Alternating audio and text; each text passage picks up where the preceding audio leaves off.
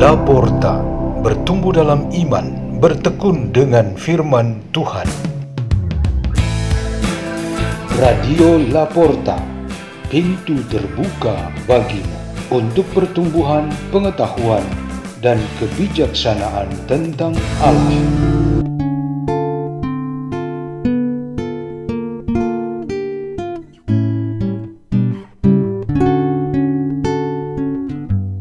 Bacaan dan Renungan Sabda Tuhan Hari Sabtu, Pekan ke-6 Paskah 28 Mei 2022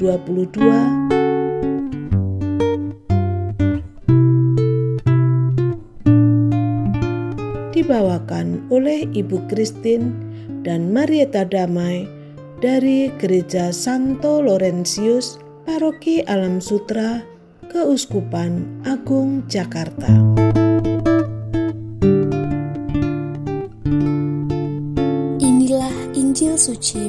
Yohanes bab 18 ayat 23b sampai 28. Beginilah firman Tuhan. Dalam amanat perpisahannya, Yesus berkata kepada murid-muridnya, Aku berkata kepadamu, sesungguhnya segala sesuatu yang kamu minta kepada Bapa akan diberikannya kepadamu dalam namaku. Sampai sekarang, kamu belum meminta sesuatu pun dalam namaku. Mintalah, maka kamu akan menerima supaya penuhlah sukacitamu. Semuanya ini kukatakan kepadamu dengan kiasan, akan tiba saatnya. Aku tidak lagi berkata-kata kepadamu dengan kiasan, tetapi terus terang memberitakan Bapa kepadamu.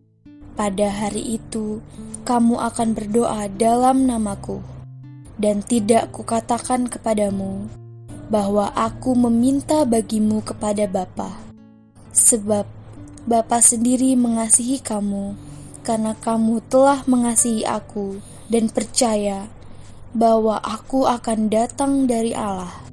Aku datang dari Bapa dan aku datang ke dalam dunia. Kini aku meninggalkan dunia lagi dan pergi kepada Bapa.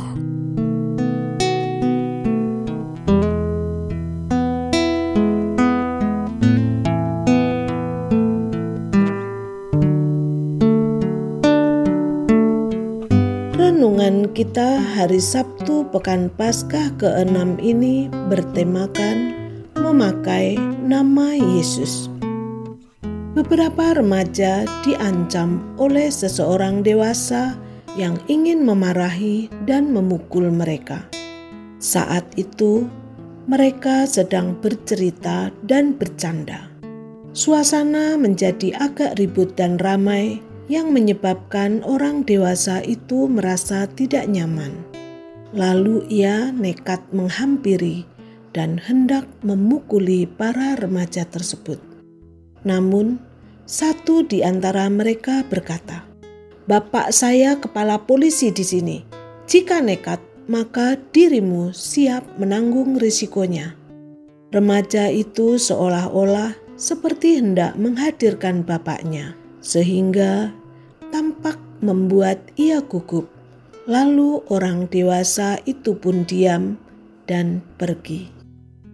Seperti remaja tersebut, kadang kita selalu memakai nama orang ternama, pejabat, penguasa, ataupun pribadi tenar lainnya sebagai hal yang istimewa.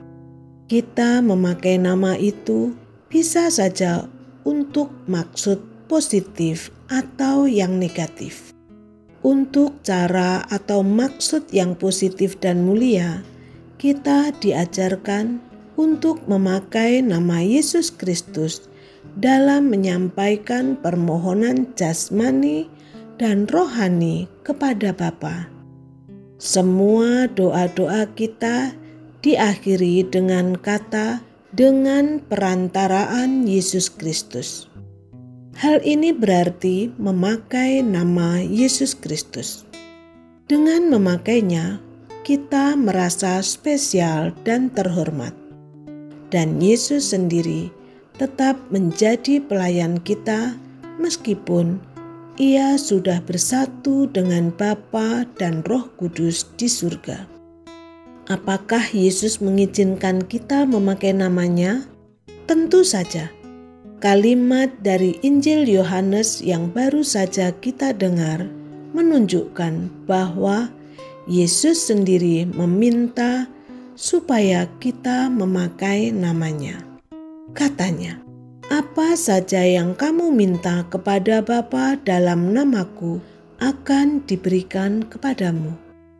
Memakai nama Yesus berarti kita sungguh mengenal dan mengakui Yesus secara benar, sehingga kita percaya bahwa Dia akan memenuhi segala kebutuhan kita mengetahui dan percaya Dia secara benar dan menyeluruh merupakan syarat yang tak bisa diremehkan. Atas dasar inilah, maka Apolos diberikan semua penjelasan secara menyeluruh tentang Yesus Kristus, supaya ia dapat memakai nama Yesus secara benar dalam seluruh kegiatan pewartaannya kita juga mengambil tanggung jawab untuk memakai nama Yesus secara benar dengan maksud yang benar untuk sampai kepada Bapa. Kita juga harus bisa menghindari memakai nama Yesus secara sembarangan. Misalnya, mencatut istilah profan pada namanya. Kita tidak boleh memakai nama Yesus untuk meminta sesuatu yang curang, jahat, atau melawan kemanusiaan.